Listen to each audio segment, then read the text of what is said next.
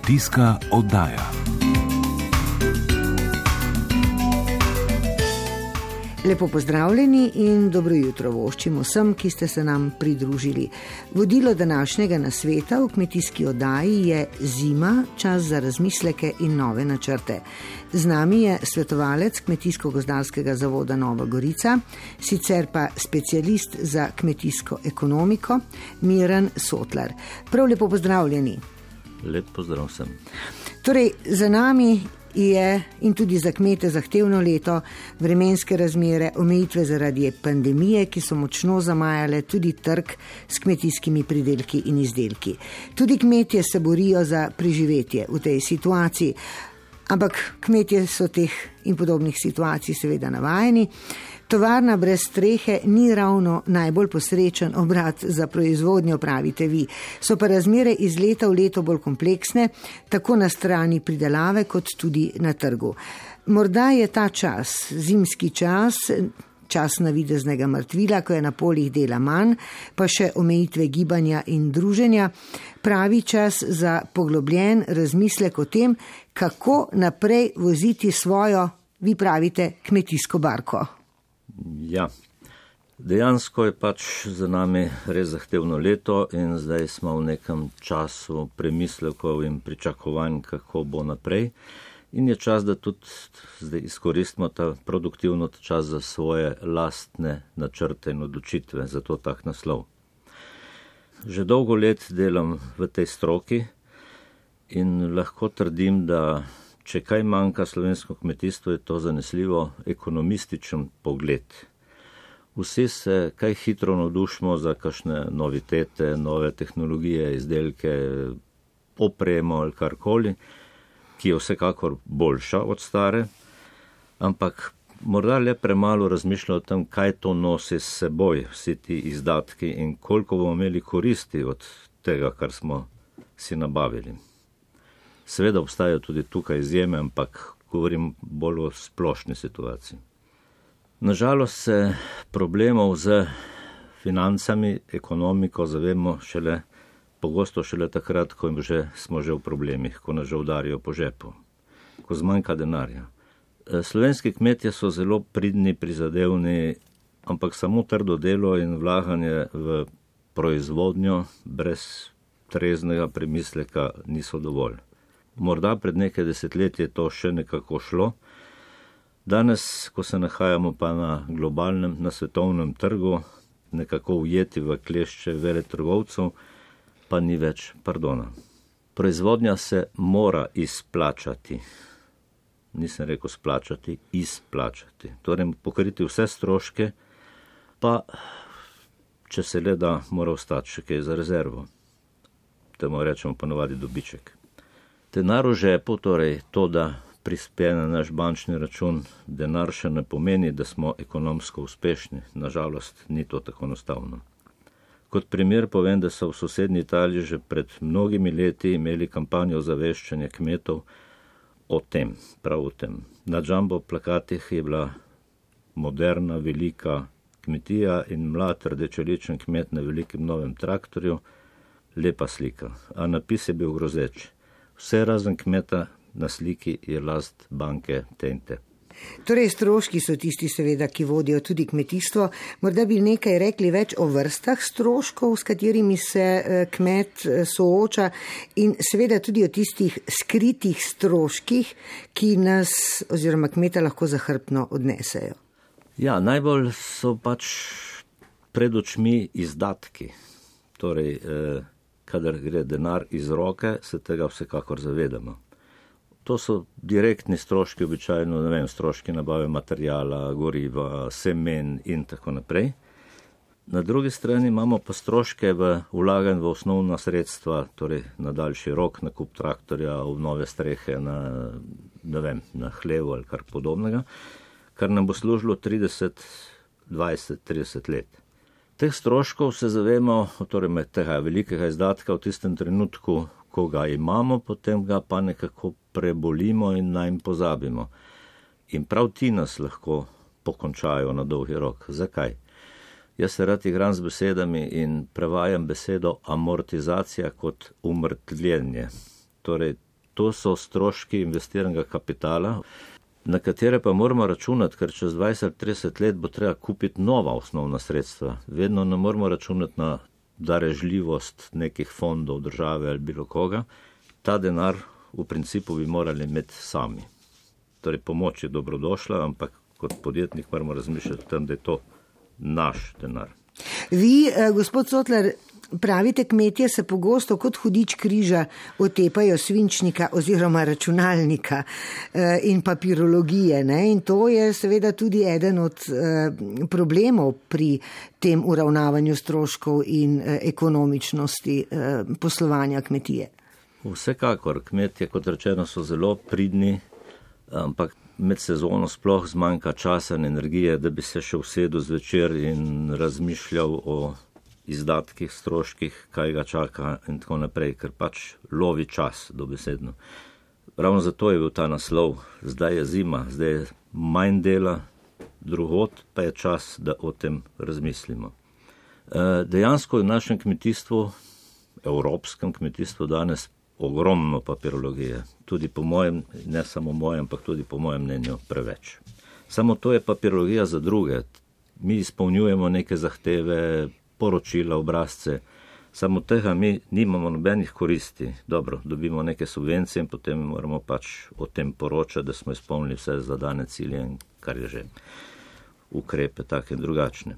Jaz govorim o tem, da si moramo vzeti čas za svinčnik, papir oziroma računalnik danes, da razmišljamo o svojih problemih, ne v teh, ki nam jih nalaga sistem, da tako rečem poenostavljeno. Zdaj je res prilika za to, ker so dolgi večeri, še ven ne smemo zaradi policijske ure, pa tudi siceršnjih omejitev eh, druženja. Škoda, da izgubljamo ta dragoceni čas. Torej, kaj svetujete? računovodstvo, ne, ker pravite, da vendarle je eh, kmetija obrat pod milim nebom. Ja, nažalost je tako. In to ne boje vse manj milo, kot vidimo iz prakse. Vsekakor je zdaj prilika, da se izkoristimo ta čas, kot sem rekel, ker je drago cen, da ocenimo svoje poslovanje doslej, kako nam gre, kje smo močni, kje smo šipki, Eh, stoji, ko rečemo temu po domače, svod analiza, torej kje so grožnje, kje so prednosti naše in tako naprej. Vse to seveda vpliva na to, kam bomo obrnili našo barko, kot sem pri spodobi rekel, v bodoče. Kot sem že omenil, je problem, da pri nas manjka številk. So kmetije, ki zelo skrbno beležijo svoje izdatke in prejemke, ampak jih je malo. Brez številk pa ni analiza dosedanjega poslovanja, oziroma uspešnosti, dejanske uspešnosti, ne samo tiste, ki jo vidimo. Tako. In seveda tudi je težko karkoli načrtovati, ker ni temelja, iz katerega bi startali, gradili. Pa se da to relativno preprosto rešiti. Recimo v Holandiji so nam že pred leti rekli, da je še danes najpomembnejše urodje kmeta za njegovo računovodstvo zelo preprosto. Ena škatla od čevlju ali kaj podobnega. Važno je, da vsak večer, ko izpraznimo žepe doma, vse papirčke, torej račune, v glavnem, in druge dokumente, dobavnice ali kar je, damo v to škatlo. Zdaj, kdo bo to škatlo potem izpraznil in jo analiziral, zapisal, razporedil, kam kakor treba, to je druga stvar. To lahko naredimo tudi sami, lahko pa tudi nekoga najamemo, ali računovodjo ali kakšnega drugega svetovalca. Torej, ne govorim o davčnem knjigovodstvu, pred katerim si bežimo, ampak govorim o analitskem knjigovodstvu, o poslovnem knjigovodstvu za nas same. Teh analiz ne bomo nikomor predočili, to je izdelek namenjen izključno za naše potrebe. Na vso srečo imamo v Evropski uniji, ki smo to sprejeli z vstopom v Evropsko unijo, orodje, ki služi prav temu, sistem, evropski sistem, ki mu skratico iz angleščine rečemo FADN, prevedemo pa ga v mrežo računovodskih podatkov z kmetij. Torej, poznamo ga v Sloveniji že vse od vstopa v Evropo, ampak se premalo zavedamo njegove dejanske vrednosti. Kmetje, ki so prejemniki javnih sredstev, so pogosto zavezani, da pet let vodijo faden in to jemljajo kot ne bodi ga treba, kot nekaj še dodatne papirologije. Tam v Evropi, kjer so kmetje pa že dolgo bolj vrženi na trg, da tako rečemo, kot je to v Nemčiji, Avstriji, Holandiji in drugod, Franciji in tako naprej, tudi v drugih državah, je povsem drugače. Oni razumejo, da je to zelo pomemben vir podatkov o našem poslovanju. Ne samo o financah, ampak tudi o potrošnji materijalov, o prodaji in tako naprej, kjer pač dobivamo informacije za neko načrtovanje. Tako da toplo priporočam, da kmetje, ki čutijo potrebo po tem, eh, se o tem fadno malo bolj informirajo. Zato lahko se obrnejo tudi na javno kmetijsko svetovalno službo, ki pomaga pri informiranju in tudi pomoč, nudi tudi pomoč pri vodenju tega fadla, ker je dejansko to tisto, kar bomo v bodoče še bolj kot že zdaj potrebovali. potrebovali ja. E, no, morda tistim, ki bodo začeli razmišljati o strategiji razvoja svoje kmetije na bolj sistematičen in podjetniški način, e, sta na voljo še dva javno dostopna pripomočka mimo Fadna, ki ste ga predstavili. Katera sta ta dva? Ja, že nekaj let imamo v Sloveniji po zaslugi nekega mednarodnega sodelovanja z holandsko strokovno službo. To je projekt, ki se nadaljuje in se bo tudi nadaljeval, tako zvan projekt ISM, to je interaktivni strateški management ali upravljanje. Pri nas ga vodi Biotehnička fakulteta v sodelovanju z Kmetijsko-gozdarsko zbornico Slovenije in Kmetijsko svetovalno službo, tudi ki pri tem sodeluje. Ta organizira občasno tečaje, delavnice na temo, kjer se pač udeleženci v glavnem so to seveda mlajši ljudje, seznanijo s to metodo, s pristopom. V začetku so vsi malo neverni, ker je za naše pojme mal drugačen pristop, ampak garantiram vam, tudi jaz sem bil udeleženc in tudi organizator takih delavnic, da so udeleženci praviloma na koncu zelo navdušeni in rečejo, da je bila ta stvar zelo koristna. Torej, o tem se velja tudi pozanimati. Eh, druga je pa Kmetje naši verjetno že poznajo katalog kmetijskih kalkulacij za načrtovanje gospodarja na kmetijah, ki je obstajal v Sloveniji od leta 1995. Bilo je parkrat izdan v knjižni obliki, zdaj ga pa nadkrajujemo v spletni obliki, imenuje se, kot se spodobi za današnjo dobo, Farm Manager, ne, nima slovenskega imena sicer. Je pa v bistvu to katalog v oblaku, ne v oblakih, v oblaku do katerega lahko uh, uporabnik z geslom dostopa in si pogleda te kalkulacije, tudi druge pripomočke za načrtovanje. In to, kar je prednost pred knjižno obliko, je pa to, da lahko sname neko kalkulacijo ne, za breskve, ker smo že na primorskem, naprimer, ali grozdje, se vseeno, si jo sname na svoj računalnik in jo po mili volji prilagaja in dopolnjuje pač glede na svoje dejanske razmere. Na, torej, to, eh, danes bi temu rekli, kot je tisti polpečeni kruh, ki ga doma dokončaš, kot ti paš. Skratka, eh, pod črto, gospod Sotler, eh, pri pomočki so. Kaj bi rekli, naj se kmetje nikar ne izogibajo kalkulacijam in seveda vsemu temu, kar pride in kar odide z kmetije. Z enim stavkom, kaj jim svetujete? Kot je bilo že povedano, kmetija je mikro ali mini podjetje in za njo veljajo vse ekonomski zakoni, ki pač veljajo v podjetništvu. In ko bomo premagali ta začetni odpor, mislim, da mlada generacija, tudi računalniško, vsa opismenje se znajde v teh razno raznih eh, oblikah. Ko bojo premagali ta odpor, verjamete, da bojo z veseljem se lotili tega dela, sploh kot že rečeno v tem turobnem zimskem času. Miren Sotler, najlepša hvala. Eh, verjamem, da so vsi ti vaši eh, konkretni nasveti prišli eh, do pravih ušes in da bo marsikdo seveda razmislil, kako naprej in izkoristil ta nekoliko bolj miren čas za kmetovalce na poljih, nasadih, vinogradih in tako naprej. Hvala vam lepa. Tudi jaz se tega želim in lep pozdrav.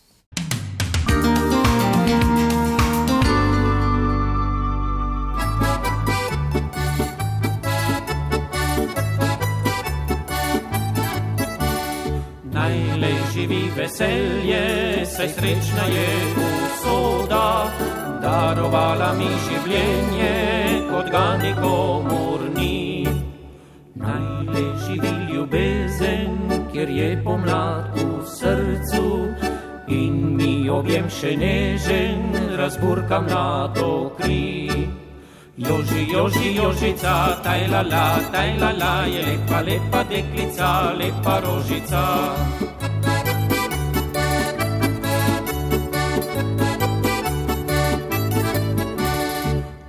upam, da še pred pustom se z Jožico oženim in pripeljem jo v svoj dom, kjer srečen bom z njo.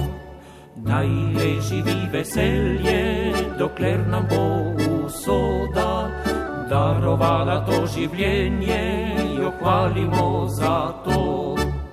Joži, joži, jožica, taj la la, taj la la, je lepa, lepa deklica, lepa rožica.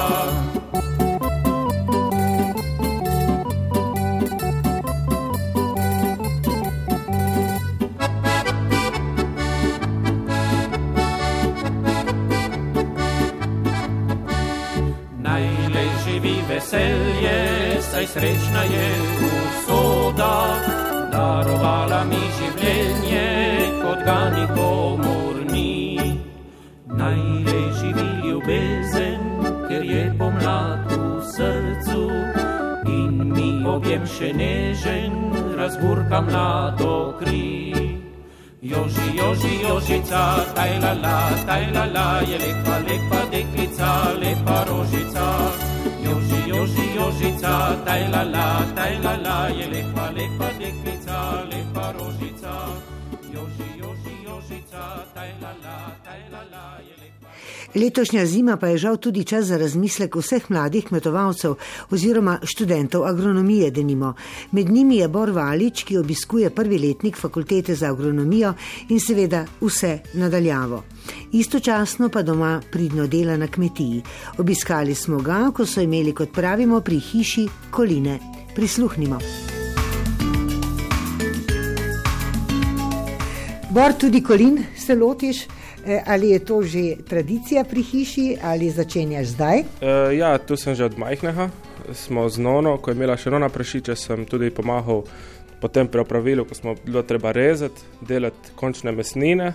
Uh, zdaj pa tudi po prime hodim okoli, tudi pomagam pri samih kolinah in tudi doma sem letos kupil prašiča in smo ga s pomočjo mesarja tukaj tudi naredili v končni produkt. Mesnine, no.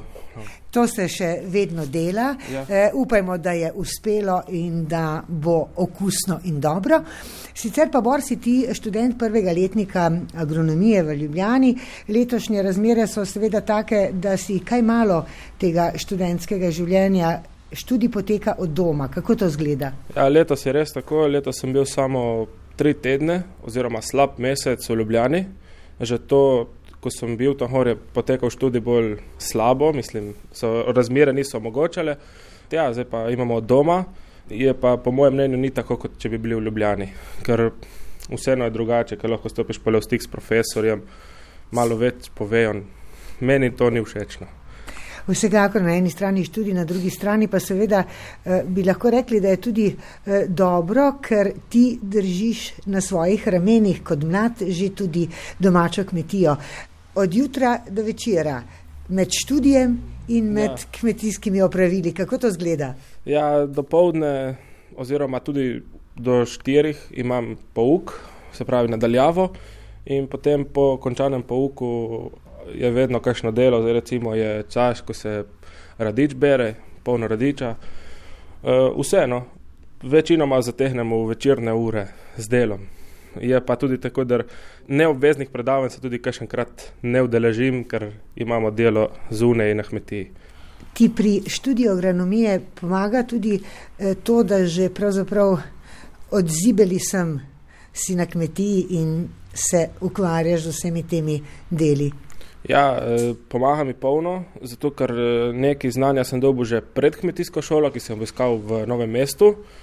Tudi dosti so mi oče in eh, stara mama, nona, so mi dosti podarili tega znanja in sam tudi vidim, vedno nekaj novega se naučim tudi sam pri samem delu na kmetiji. E, najbrž že odločitev za šolanje kmetijske smeri e, ni bila slučaj in niti ni bila težka. Ne, ne, jaz sem že od vedno vedel, da bom kmet, že v osnovni šoli, že v, do petega razreda. Sem vedno imel to veselje, je bila pa samo odločitev ali Šempeter ali novo mesto. In potem smo skupaj z družino zbrali raje novo mesto, ker je to res šola na nivoju no, znanja in vse ti dajo res polno. Zdaj agronomija, katera smer te pa, da nimo najbolj uh, zanima, razmišljaš res, da je šele prve, prvo leto, ampak vendarle. Ja, zdaj prvi letnik je pač agronomija hortikultura program. Imamo tako na hortikulturi recimo rastlinah, okrasnih in uh, različnih rastlinah kot na poljedelstvu in potem v drugem letniku pa je odločitev ali hortikultura ali agronomija poljedelstvo in seveda agronomija poljedelstvo. To me že od nekdaj zanima in to bomo izbral. Eh, želiš imeti svojo kmetijo, jo obdržati in jo še kasneje potem širiti? Ja, tu mi je v načrtu, da vsako leto, mislim tudi zdaj, vsako leto se nekako večamo, samlem parcele v najem in rad bi v res neko, eno veliko kmetijo, moderno kmetijo, bi rad, živalmi in s poljem da bi v prihodnosti bila. Razmišljaš o tem, da bi uh, se ukvarjal samo s kmetijstvom, v tem smislu s kmetijo, ali uh, razmišljaš tudi o tem, da bi svoje znanje morda ponudil še komu drugemu in se zaposlil tudi? Ja, neki tudi, če bo le sreča, ne vem, če bi se ponudila kakšna služba na svetovalni službi, bi jo prijel, če ne pa ja, samo, če bi se le dalo samo od kmetije, no. Kar pa v zdajšnjih razmerah, ker smo so razmerno majhna kmetija, bi mogel po končanem študiju obvezno še nekako eno službo si dobiti, da bi imel konstanten prihodek. Ti se seveda od jutra do večera res ja. si eh, kmet, eh, že kot eh, dijak, že kot osnovnošolc. Kaj meniš, kako je mogoče od kmetijstva vsaj primerno živeti? Ja, najprej izbrati ne vem, neko kulturo, ki ti res da veliko, ki ni treba v njo dosti vlagati, oziroma so majhni finančni vložki, potem se, seveda treba imeti za dosti površin, potem nekaj, kar ti da država s pomočjo uh, subvencij. Vsekakor pa z veliko ljubezni in uh, dela. Ja, to se seveda, če ni ljubezni, ni nič, se ne da nič narediti. Tako zaključujemo, kmetovalcem želimo, da ta zimski čas izkoristijo za vse tisto, za kar sicer nimajo časa, mladim, ki nabirajo znanje za poznejše čase, pa da bi se čimprej vrnili v šolo in ne izgubili svoje volje za kmetovanje, kajti pridelava hrane je brez dvoma strateškega pomena. Ingrid Kašca Bucik in Igor Valentinčič. Pa srečno!